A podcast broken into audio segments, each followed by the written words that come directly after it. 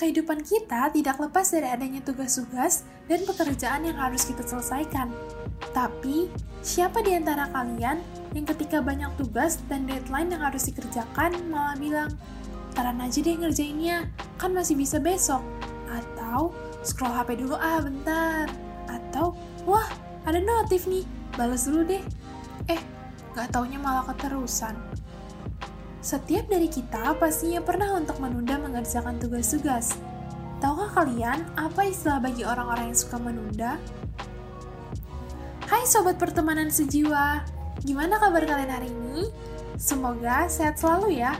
Di episode podcast hari ini kita akan kembali ngebahas tentang topik psikologi yang menarik banget nih. Kali ini kita akan ngebahas tentang prokrastinasi. Hah, prokrastinasi? Apaan tuh? Daripada penasaran, yuk langsung simak aja. Prokrastinasi adalah suatu kecenderungan untuk menunda dalam memulai maupun menyelesaikan pekerjaan secara keseluruhan, tetapi melakukan aktivitas lain yang tidak berguna. Prokrastinasi juga didefinisikan sebagai perilaku penundaan sampai hari nanti yang identik dengan bentuk kemalasan. Seseorang yang prokrastinasi bukan tidak mampu menyelesaikan pekerjaan dengan tepat waktu, tetapi mereka merasa memiliki banyak waktu sehingga menganggap bahwa pekerjaan ini dapat diselesaikan nanti. Dari sisi positif, prokrastinasi biasanya dilakukan dengan tujuan untuk mengumpulkan informasi sebanyak-banyaknya dan akurat. Tetapi, di sisi lain, banyak pula yang memilih melakukan prokrastinasi untuk menghindari tugas yang tidak disukai, menghindari tugas yang sulit, dan dianggap sebagai stresor. Beberapa ahli mengatakan bahwa prokrastinasi dianggap sebagai sebuah penyimpangan. Namun, ahli-ahli lain juga memaknai penundaan secara negatif dan menganggapnya sebagai suatu gangguan yang menetap dan tidak dapat dihilangkan, tetapi hanya dapat diturunkan menjadi batas yang normal. Lalu, bagaimana mengenali orang-orang yang prokrastinasi? Karakteristik seorang prokrastinator di antaranya adalah yang pertama, menunda memulai dan menyelesaikan tugas. Yang kedua, keterlambatan dalam mengerjakan. Yang ketiga, kesenjangan antara waktu rencana dan kinerja aktual. Yang keempat, melakukan aktivitas lain yang lebih menyenangkan. Seseorang yang prokrastinasi biasanya memiliki gangguan tidur, depresi kronis, stres, dan penyebab psikologis lainnya. Sehingga, untuk menghindari situasi tersebut, mereka lebih memilih untuk melakukan kegiatan yang kurang berguna, seperti memilih untuk tidak mengerjakan apa-apa, menonton TV, bermain gadget, scrolling sosial media, bergosip, dan sebagainya. Terdapat dua faktor yang mempengaruhi terjadinya prokrastinasi. Yang pertama adalah faktor internal. Faktor internal merupakan faktor yang berasal dari dalam diri kita sendiri, seperti dari kondisi fisik yang lelah, dan faktor psikologis yang meliputi keyakinan irasional, trait kepribadian, dan motivasi. Yang kedua adalah faktor eksternal. Faktor eksternal ini muncul dari luar diri kita, seperti kondisi lingkungan, dan pengasuhan orang tua. Lingkungan dan pola asuh memiliki pengaruh yang sangat besar dalam pembentukan karakter diri seseorang. Sehingga, apabila lingkungan tersebut suportif, akan dapat meningkatkan motivasi seseorang untuk bisa berkembang menjadi individu yang baik. Memilih untuk melakukan prokrastinasi memiliki berbagai dampak. Secara afektif, seseorang yang prokrastinasi menjadi gelisah, cemas, takut, menyesal, stres, emosi tidak terkontrol, panik, menangis, dan bersedih.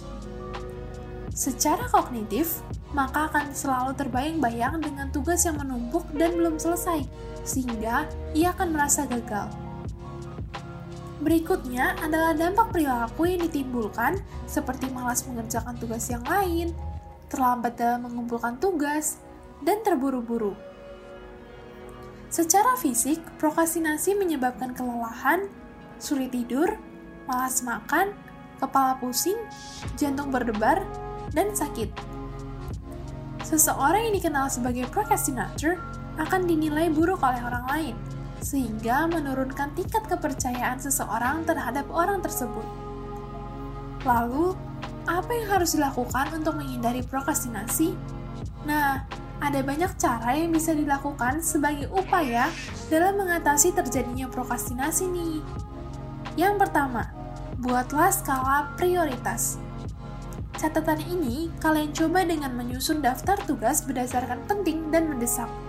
Utamakanlah tugas-tugas yang berada dalam kuadran penting dan mendesak, dan abaikan tugas-tugas dalam kuadran tidak penting dan tidak mendesak. Buatlah catatan ini semenarik mungkin, disertai dengan detail proses dan capaiannya, sehingga memacu kita untuk mengerjakan tugas tersebut. Yang kedua adalah jauhkan distraksi. Seringkali ketika kita mengerjakan tugas, kita terganggu oleh hal-hal yang mengalihkan fokus kita. Salah satunya adalah notifikasi. Ketika notifikasi masuk, secara spontan kita langsung mengecek untuk melihat siapa yang mengirim pesan. Seseorang tidak akan optimal dalam menyelesaikan sesuatu jika masih mendapatkan distraksi yang mengganggu pengendalian dirinya. Oleh karena itu, cobalah untuk menciptakan mode fokus selama mengerjakan tugas dan matikan notifikasi handphone. Yang ketiga adalah hindari keinginan terhadap hasil yang sempurna. Jangan menuntut diri sendiri untuk selalu menghasilkan tugas yang sempurna, tapi cobalah untuk maksimal dalam setiap prosesnya. Karena sejatinya, tidak ada segala sesuatu yang sempurna ketidaksempurnaan tugas akan mengasah keterampilan kita untuk menjadi pribadi yang lebih expert. Yang keempat adalah ubah mindset tentang tugas. Jangan menjadikan tugas sebagai suatu tuntutan atau beban yang berat. Just do it. Ketika belum mengerjakannya, memang rasanya lebih sulit untuk melakukannya. Tetapi ketika kita sudah mencoba untuk melakukan, perlahan-lahan kita akan menikmati proses pengerjaannya dan tanpa terasa pengerjaan akan terselesaikan. Yang kelima adalah berikan self reward. Setelah melewati hari-hari yang panjang dan berhasil melawan rasa malas untuk menyelesaikan pekerjaan kita, kita bisa memberikan penghargaan kepada diri kita sendiri loh sebagai bentuk apresiasi. Dengan adanya reward yang diberikan, akan menguatkan perilaku kita untuk melawan kemalasan-kemalasan di hari berikutnya. Melakukan penundaan atau tidak merupakan suatu pilihan. Semua terkendali dalam diri kita. Pertimbangkanlah segala sesuatu sebelum mengambil keputusan agar dampak-dampak yang kurang baik dapat diminimalisir kemunculannya. Mari berprestasi jauhi prokrastinasi. Oh iya, jangan lupa follow Instagram @pertemanan_sejiwa, like, komen, dan subscribe channel YouTube ini untuk mendapatkan informasi menarik lainnya seputar psikologi, mental health, gizi, dan pengembangan diri. Salam sehat, salam pertemanan sejiwa, dan sampai jumpa di podcast selanjutnya. Bye bye.